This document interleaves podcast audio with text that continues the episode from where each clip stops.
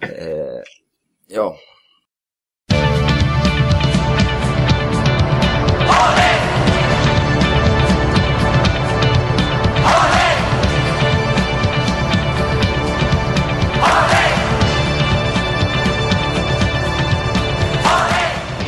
Hej och välkommen till eh, Fossa degli Alci, avsnitt nummer 24. Vi är fortfarande i Sverige. Jag, David Faxo, har med mig Andreas Persson. Hallå, hallå. Och inför Napoli som där så har vi också med oss Antonio Abizzo. Välkommen! Tja, tack! Kul att ha dig med idag. Ja, det känns bra. Jag ska erkänna att jag aldrig har lyssnat förut, så jag får väl eh, börja nu helt enkelt. Det är bara snack om framförallt Milan, men vi kör på. Ingen manus, utan vi bara rullar på. Ja, då kommer jag trivas.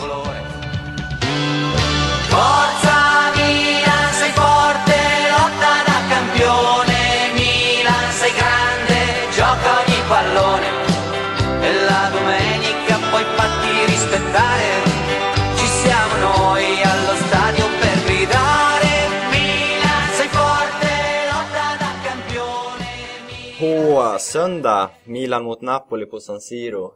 Ganska viktig match kan man ju säga om Champions League, andra, tredjeplatsen kanske framförallt, men Milan har ju även ja, kontakt neråt kan man ju säga mot Fiorentina. Andreas, Ja. vad, eh, vi börjar därifrån, på dig. Vad, eh, spontana tankar om matchen, vad väcker Napoli-Milan, eller Milan-Napoli för känslor? Eh, Ja, det är mycket. Det är kanske, just den frågan kanske bättre riktad till, till Antonio med norr, norr och syd och sådär. Han har ju lite starkare anknytning till det kanske, men eh, det är ju en, det är en väldigt intressant eh, match eh, om, om andra platsen om inte annat med tanke på, med tanke på situationen som Även om Napoli eh, klev ifrån ett, ett kliv nu i helgen så, så är det fortfarande eh, andra platsen man slåss om. Tänk om jag höra vad Antonio hade. Ja, alltså för, för min del är ju, alltså det, man kan ju se det på två sätt. Alltså för ligan är den ju såklart en superviktig match. Sen finns det ju såklart andra eh, aspekter på det också. Och ska vi ta det rent, eh, alltså rent liga och tabellmässigt så är det ju klart att det har ju blivit säsongens match. Eh, innan det var det väl egentligen eh, Napoli-Juventus på, på San Paolo som var det, men det, det, det tåget har ju någonstans gått. Och det har ju blivit, blivit den här matchen nu då. Såklart för andra platsen eh, den är ju betydligt mer eh, viktig nu när, när det är lurigt med, med kvalet och så till Champions League. För förut, även om man kom från en stor liga och, och kom på, på en kvalplats så fick man ju möta några brödgäng 90% av gångerna. Mm. Eh, nu för tiden är det ju inte så, utan det lottas ju rakt av så man kan ju faktiskt få riktigt tufft motstånd redan i kvalet och, och missa ett, ett slutspel med, med sex garanterade matcher det är ju såklart ingenting man vill göra eh, när man kommer trea. Så det betyder ju hur mycket som helst såklart. Mm. Nej, man ska verkligen inte underskatta detta. Det är inte bara det att det, det är fri lottning utan det är till och med så att man inte kan lottas mot de som vinner sina ligor. Alltså de, de mindre lagen som är med i kvalet. Ja, Utan det, det. det är de större, större ligorna. Så det kommer ju förmodligen vara liksom Frankrike, Portugal, England eller Spanien man möter. Så det är ju bra lag och vi ser ju att Udinese har ju misslyckats två år i rad nu att ta sig vidare även om de bygger om väldigt mycket och har väldigt dåliga förutsättningar just på, på kvalet där tidigt på säsongen. Eh, men det säger ändå en del. Ja, så har man väl egentligen fått sett. De har ju väl lidit konsekvenser av det långt in på, på början av säsongen egentligen båda gångerna, för de följer faktiskt på målsnöre. Eh, precis som Sampdoria gjorde mot, vad var det, Werder Bremen. Mm. Så att, äh, nej, så Italien har väl inte haft någon nå riktig tur med de där kvalplatserna heller. Så, eh, så här skulle man ju såklart vilja undvika. Udinese rök väl på straffar mot Braga i år om jag inte missminner mig. Mm. Ja, och så var det väl eh, Arsenal innan dess. ja, på bortamål va? Ja. Och sen så, eh, det var ju på övertid Rosenberg där i, I, Bremen. precis. Det var- Men då Pazzini var helt manisk. Ja. Nej, eh, Så sportsligt är ju det här otroligt viktigt, men om vi tar eh, känslomässigt då, eller? Nej, men det finns ju såklart, jag menar, det, man kan ju sitta här och älta det här eh, nord och syd hur mycket som helst, men det, det är ju liksom så att speciellt San Siro eh, har ju alltid varit en arena som, som liksom Napoli inte vinner på. Det spelar ju liksom ingen roll. Eh, jag vet min farbror drog någon historia om att det var ju många eh, i hans ålder när han var ung som, som var på militärtjänst uppe i Piacenza och liksom när, under Maradonas tid och sen när, när Napoli kom upp liksom 25-30 000 Napoli-fans på San Siro. Maradona på plan, det gick, gick fan inte att vinna där uppe. Så att, så att liksom det, det, det är ju mer eh, än bara en match på så sätt. Det finns ju liksom psykologiska aspekter som, som fan är rotade djupt eh, under hundra år av calcio liksom. Mm. Ja, du sa ju det själv. Du hade varit, du hade varit på San Siro ett par gånger, men... Eh, Nej, precis. Jag, jag har varit där och sett både eh, Milan, Napoli och Inter Napoli och, och, och aldrig kommit därifrån med poäng. Liksom. Så att, eh, det är ju tufft. Det är väldigt tufft. Och då, jag tror liksom att det här, eh, vem som har bäst form och vem som har bäst elva och ni är lite spelare avstängda, vi har en backlinje som svajar. Det blir liksom, i det stora hela är det klart relevant, men det blir mindre relevant när man kliver in där som Napoli-spelare. För det sitter ju trots allt, som jag sa innan, väldigt rotat. Utan man, man lär göra en, en övermänsklig insats nästan. Många gånger. I alla fall när jag är på plats. Ta det sportsliga, du sa avstängningar så har vi ju Mario Balotelli som fick två matcher plus sin gula kortavstängning då. Hur eh, påverkar det, tycker du? Hur, är det positivt för Napoli eller räds du Pazzini? Ja, alltså, man ska ju inte underminera Pazzini. Han, han kan ju göra precis lika mycket skada som, som Balotelli skulle kunna göra för, Napolis del. Sen, sen får man väl helt enkelt kolla på, på statistiken. Jag menar, det är, ju, det är ju tydligt att det har hänt någonting sen Balotelli kom. Och ser man bara krasst i det så är det ju för min och, och Napolis del är det klart att, han, att det är bra att han inte spelar. Uh, jag, jag tyckte delvis, det är tråkigt för oss som ska ner och se den här matchen då att uh missa Balotelli såklart. Men eh, jag gillar Pazzini också så det, det gör mig inte så mycket. Och jag kommer få chans att se Balotelli igen liksom. Men eh, just den gula, med tanke på att El Shaarawy och flera andra spelare också har gula kort, det känns som att det, här, det är bra i alla fall att de inte missar samma match av de här då mot Fiorentina, eh, Napoli, Juventus, Catania, de tunga matcherna som kommer i rad. Så då kändes det rätt bra att Balotelli kanske missar en eller och en och sådär. Eh, en annan. Men eh, så får han då två de här två extra som känns ganska löjligt för eh, ett eh, Cazzo då. Det, eller tre kanske det till och med var, men det är ändå Ja, man kan tycka, många har liknat det med Cambiasus som fick, eh, som fick ett, en match avstängning för eh, överfallet på, på eh, Jovinko. Så det känns ju, ja, jag tycker att den känns tung, väldigt tung och jag skulle hoppas och förvänta mig nästan att överklagan går igenom. Det har vi sett tidigare. Att eh, jag tror definitivt han kommer spela mot Catania. En intressant grej om det är ju att eh, Viviano faktiskt gick in eh, nu och, och stöttade honom i detta. Även eh, Tomasi på Sky. De två har liksom sagt att det var det var Casaguardi han sa. Det var inte de här hånen eh, mot domaren om att han var en idiot och så vidare som det har eh, ryktats om. Jag tror var anledningen till avstängningen kom upp. Så det är mycket möjligt att eh, den reduceras. Alltså när du nämner avstängningar, så det, det jag kan vara lite nöjd över det var väl att Napoli hade väl en sju eller åtta spelare som var eh, diffidati innan den här eh, Genoa-matchen. Mm. Eh, och vi plockade ju trots allt en hel del kort. Men tur var ju den att, eller skicklighet, det beror ju på hur man ser på det. Eh, att vi lyckades ju trots det faktiskt eh, klara oss ut en, en enda avstängning. Det tyder väl någonstans på att jag, jag kan ju tänka mig liksom att, ja, de korten som trots allt, som jag ser på det, måste tas under en match. Om det är ett eller två eller tre, det beror ju helt på hur matchen ser ut. De togs ju eh, enligt mig på direktiv av rätt spelare. Så man placerade rätt spelare vid rätt situation. För man visste att kommer det ett läge där man måste plocka ett kort så, så vill vi inte ha en avstängning. Och så var det ju lite ja, rätt klubb att möta kanske med Gemolaggio där med, med Genoa. Ja, det skulle ju kunna vara så. Sen samtidigt så får man ju såklart lida lite med dem för deras eh, tabelläge är ju allt annat än, än bra såklart. Mm. Eh, hade de haft en, en 45 poäng så, så hade de ju kunnat gett bort den här matchen. Eh, nu, nu gjorde de ju ändå sitt bästa och får ju stryk ändå så, och det ska de ju egentligen ha för de är ju eh, inte riktigt på samma nivå. Nej, så är det ju. Hur tror du man kommer ställa upp? Jag tänker på... eh, och hur ser du på laget? Jag är framförallt intresserad av inomhusfältet där med schweizarna. Ja, schweiziskt blir det ju. Det är ju, det, det är ju mer eller mindre ett måste. Med tanke på att alla tre som spelar där är schweizare. Ja. Eh, och med tanke på, på Gemailis form så ser jag ju liksom inte att han kommer bli petad nu. Det jag ju väldigt svårt att se. Mm. Eh, och Inler har ju trots allt fått nöta bänk eh, två senaste matcherna, om det inte till och med tre. Så att det blir eh, Berami, Jamaili, det känns ju ganska klart. Eh, Sen är det väl vänsterkanten där Mero fick starta sist. Där kommer väl förmodligen Soniga få, få chansen nu. Han är väl trots allt eh, fortfarande ordinarie. Och i backlinjen så, så har ju Britos svajat något fruktansvärt under två matcher. Och, och Gamberini kommer väl förmodligen att, att starta i hans plats då, tillsammans med Campagnaro och Cannavaro. Jag är personligen väldigt intresserad av, jag har en god vän som är Porto-supporter och han, eh, hur går det egentligen för Rolando? Han gjorde väl någon riktigt bottennapp här om veckan? Nej, han har ju spelat tre matcher från start och där förlorar alla, det säger väl det mesta. Eh, Nej då, men man ska, man ska inte dra det så. De, de lyckades ju få till en deal så att jag tror vi betalar en miljon euro nu och har, har en klausul på sju, sex eller sju eh, här framåt sommaren. Mm. Eh, Och som det ser ut nu, och speciellt om Matsari blir kvar som, som vändningen verkar ha tagit nu då, så, så ser jag inte en chans att de lägger de där sju miljonerna på honom. Nej.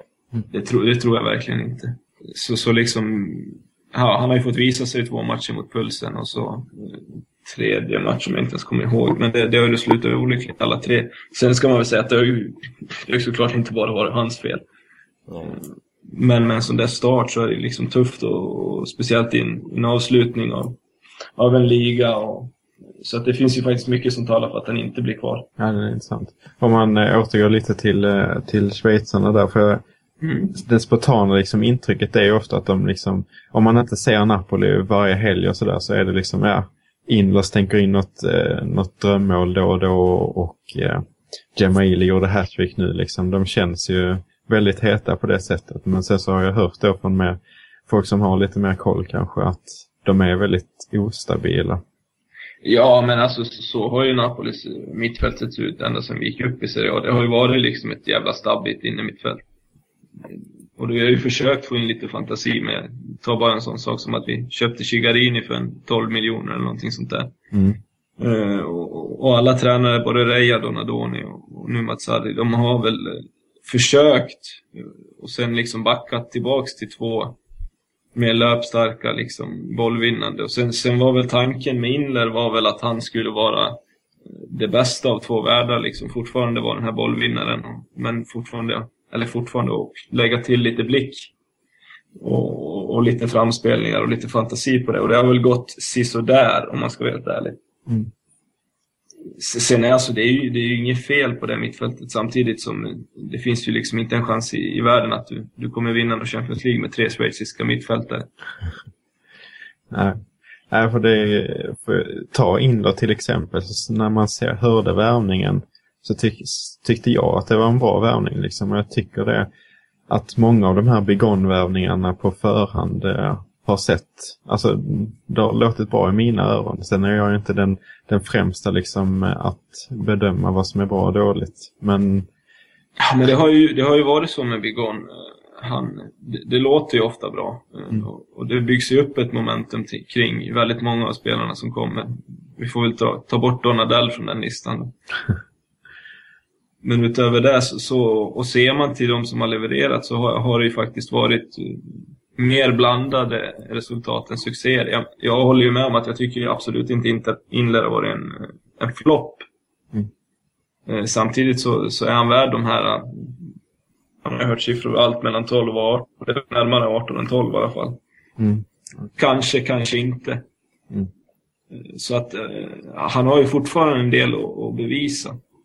På samma sätt som att jag eh, vidhåller ju fortfarande att, att 10 miljoner för Zemaili är ju, ja fortsätter han så här i alla matcher så är det klart att det är värt det. Men ser man till det han har presterat på, på ett år ungefär, och lite mer, så är det också gränsfall där. Eh, Det var ju inte så många veckor sedan han mer eller mindre, det sades att han, han kommer liksom sticka för får han inte få chansen. Sen om det var det han behövde få tända till då, då är det väl okej. men- Milan var ju väldigt heta, om ryktesvägen stämmer. Försökte väl både byta med Flamini och Nocerino. Ja, det kan, det kan jag väl tänka mig. Det, det är ju lite liknande, liknande spelare egentligen. Sen, ja, sen är det väl egentligen en smaksak vem man tycker är bäst för. Jag tycker väl någonstans att de ligger väl nivåmässigt ungefär på samma nivå. Sen kan man ju dra samma parallell. Nocerino förra året var ju helt fantastisk. I år kanske med lite mindre fantastisk.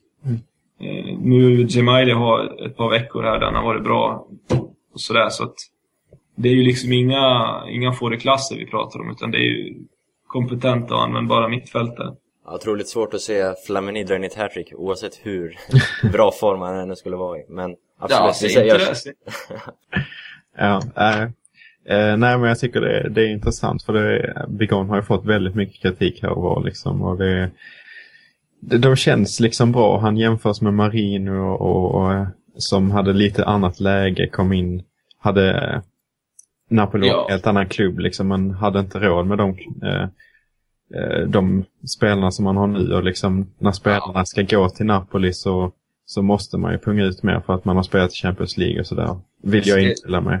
Det är ju, så är det till viss del. Sen ska man ju faktiskt inte glömma att nog fan hade Marino bra med pengar att leka med. Och han... Om man inte drar, för man får ju egentligen se en värvning på, man får ju någonstans kolla på totalkostnaden. Marino, han var väl kanske lite duktigare på att få dem till, till ett billigare pris. Men ser man till de kontrakten han skrev så, så slår man ihop den slutgiltiga summan så har vi liksom betalat mer än 10 miljoner euro för en spelare som Rinaldo till exempel Mm. som fick ett femårskontrakt som går ut nu, alltså nu till sommaren. Så han är ju fortfarande en Napoli-spelare efter alla dessa år. Och han har ju några sådana där äh, värvningar Marino också, så att påstå att han var helt felfri, det stämmer inte riktigt heller. Ja, det, är, det är väldigt intressant eh, med lönefrågan för det känns som många ofta kollar på övergångssiffrorna. Liksom. Eh, man får ändå tänka på att lönerna också dessutom betalar skatt på, vilket jag antar att man inte gör på övergångar, precis som vanliga företag. Eh, Nej, precis. Jag, jag kan faktiskt inte, inte den ekonomiska biten, men på något sätt bör väl det kunna kvittas mot någon förlustpost någon annanstans. Ja, exakt. Och då tänker man att men löner betalar man alltid skatt på. Liksom. Ja, visst, Då blir den kostnaden nästan dubbel. Liksom, så. Ja, och framförallt så är det ju liksom, du, du måste ju betala dem. Det är väl därför de, de har gjort, i alla fall Napoli, i många år nu, de här spelarna har ju försökt att kränga ut dem på lån bara för att bli av med den kostnaden. Vi har ju Rinaldo, vi har ju haft Cigarini på lån och vi har ju den fantastiska Erwin Hoffer som springer runt i Tyskland och inte gör någonting. Ja. Så, som också är ägd av Napoli, bara en sån sak. Ja, vi har ju ett par på höga poster också som kanske inte förtjänar det med, med Mexes och Robinho. Ja. Satt ju också på väldigt hög lön inom förra säsongen. Så. Ja, det är ju det som är grejen. När man väl har kritat på ett kontrakt och gäller det, då är man ju liksom fast. Bra historia har vi för övrigt med Jankulovski, Kaladze, alla de som gärna satt ut sina kontrakt. Ja, Jan Kulowski, han gillar han har, han har jag faktiskt sett i, ett, i en Napoli-Milan, fast i, i ljusblå tröja. Ja, just det.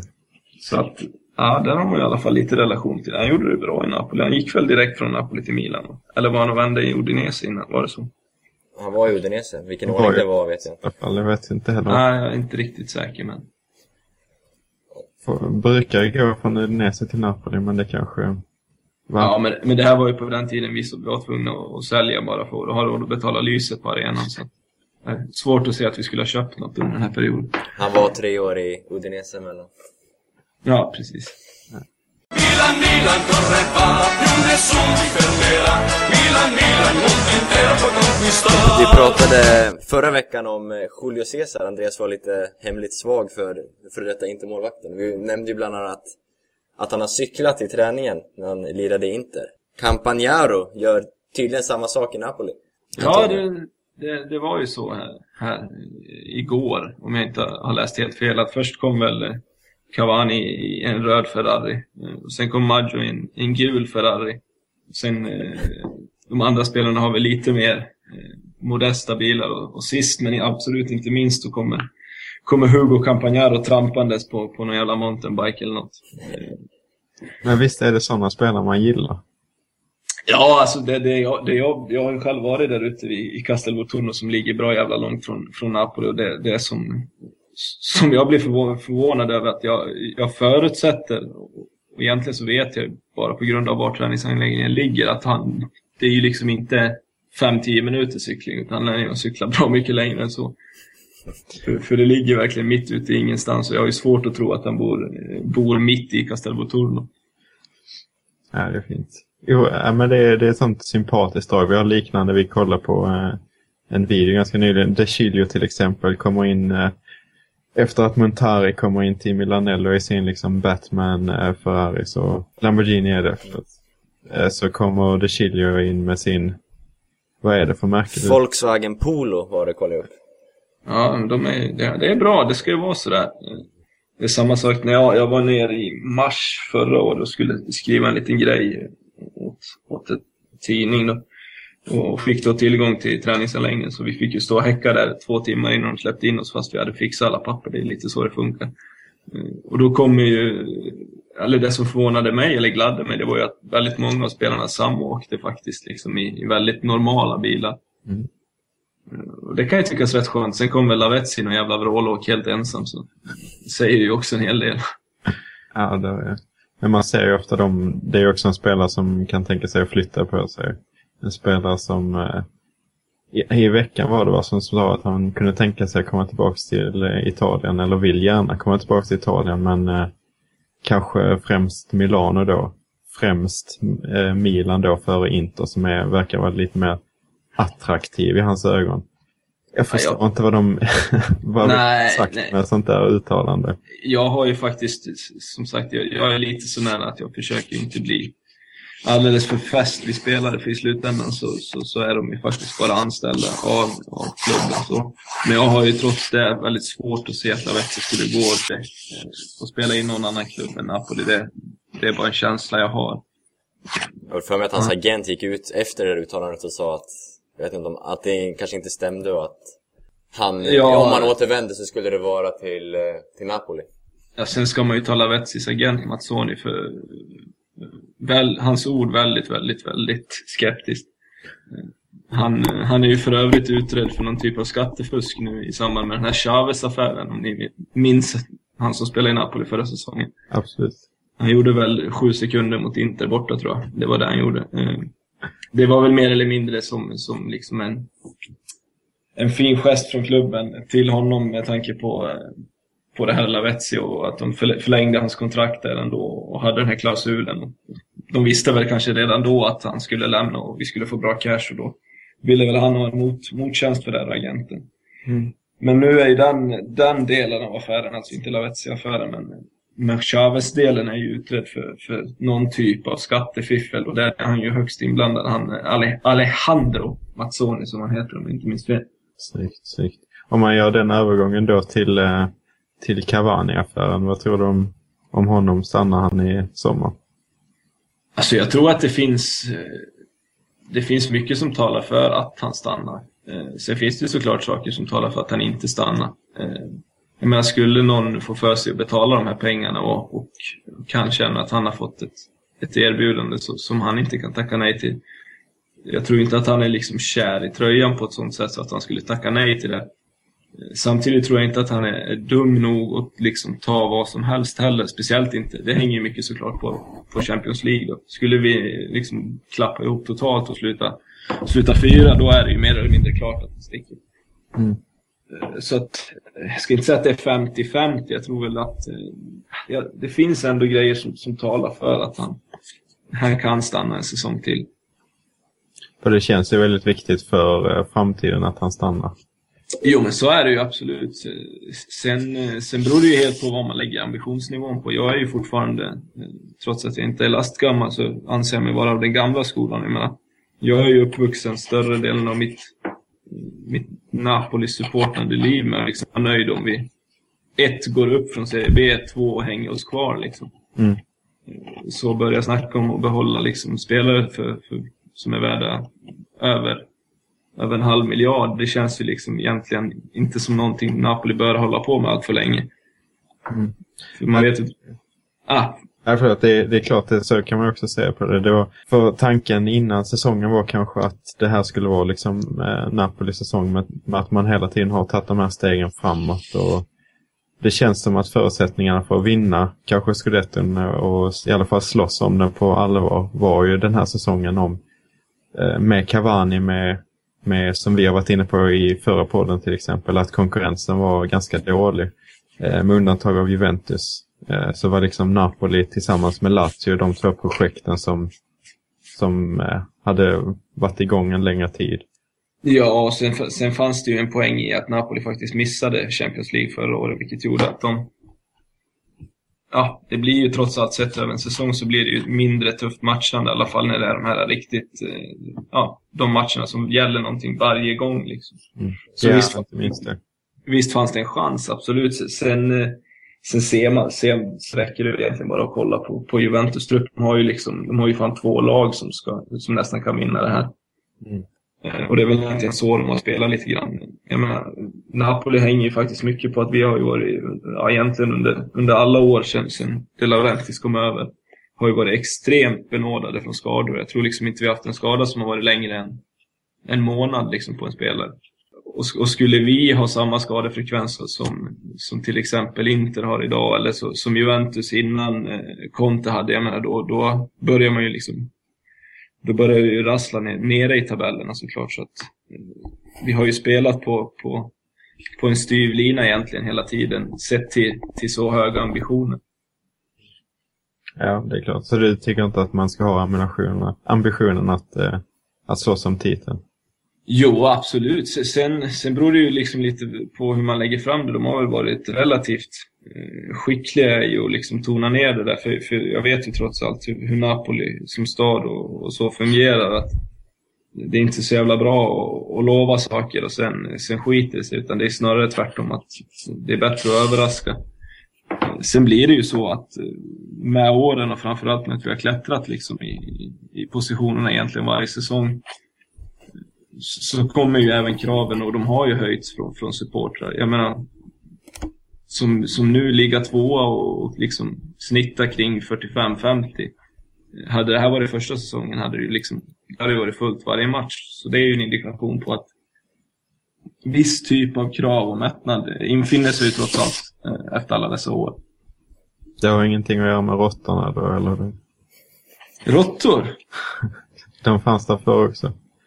De har nog alltid funnits där. De, de har nog, det finns råttor precis överallt där. Och, och det, det kommer liksom en del av San Paolo. Jag är ju extremt fäst vid den där arenan. eh, Dess problem till trots. Mm. Jag, jag har varit på San Siro och relativt många arenor i Italien. Och nu är man ju såklart väldigt hemmablind men eh, det är ju mycket som är bra med den där arenan. Sen finns det såklart saker man skulle ändra på. Men det är ju snack om, om nya arenor och grejer men det lutar väl åt att en renovering av, av nuvarande San Paolo, det är, i min värld är det absolut bästa alternativet. Ja, men jag, vi är ju ganska konservativa av oss. Lite sådär om vi, vi släpper inte San Siro helst i första taget heller. Nej, nej, men det blir ju så. Sen- är väl egentligen, det är klart att alltså själva strukturen och byggnaden är ju viktig. Det är ju trots allt ett tempel. Men i min värld är ju framförallt området där som, som liksom sitter, att åka liksom ut dit till Fårögrotta, arenan står där liksom. Sen om den ser liksom lite annorlunda ut, det kan jag väl köpa. Men det är ju trots allt viktigt att den behåller sin, sin, liksom, sin omgivning.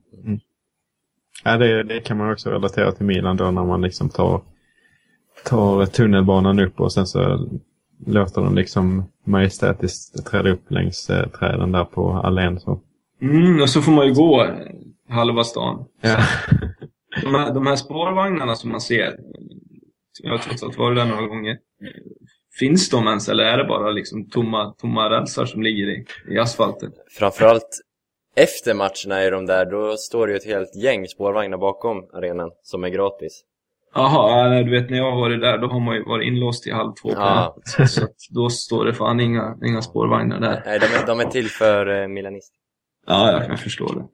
Vi kan kanske sträcka oss till det att eh, renovering är okej men behåll staden, staden som de är. Ja, alltså sen, sen om de tar bort löparbanor och, och flyttar saker och ting närmare och gör högre och byter färg och sådär, visst. Men nå, någonstans bör man ju liksom inte flytta, som de har ju planerat i Neapel nu nyligen, och flytta arenan för att få det grått som där den alltid har legat, i alla fall sen de har börjat spela det 52 eller något, till ett kvarter som heter Ponticelli. För en del hade det varit bra, för det är precis i kvarteret bredvid där, där jag brukar bo. då, Men samtidigt så, så försvinner ju mycket, mycket av den här historien när man, när man flyttar den här ena en och en halv mil eller vad det blir. Milan, Milan corre va, più nessuno ti fermerà. Milan, Milan, mondo intero puoi conquistar. vi kommer inte så mycket längre idag på Fossa del Alci. Men eh, ja, vi får ju tacka Antonio Abizzo för att du ställde upp. Ja, det var så lite så. Så får vi, får vi helt enkelt se eh, hur historien nu på, på söndag utspelar sig. Det, Ja, jag ju, du har haft dåliga, dåliga upplevelser på San Siro med Napoli. Jag var ju där när Scudetto-säsongen när vi vann med 3-0, så vi får hoppas att det håller i sig. ja, det får ni gärna göra. Det, sånt där brukar sällan funka. Jag har försökt. Så att, Ja, eh, gillar ni avsnittet så eh, lägg en kommentar på svenskafans.com eller prenumerera över iTunes. Då blir vi glada. Vi, eh, nästa avsnitt kommer vi förmodligen spela in i antingen i Milano eller i Bergamo. Eller något annat roligt ställe i närheten. Så eh, vi får ju höras då. Ciao! Ciao. ciao!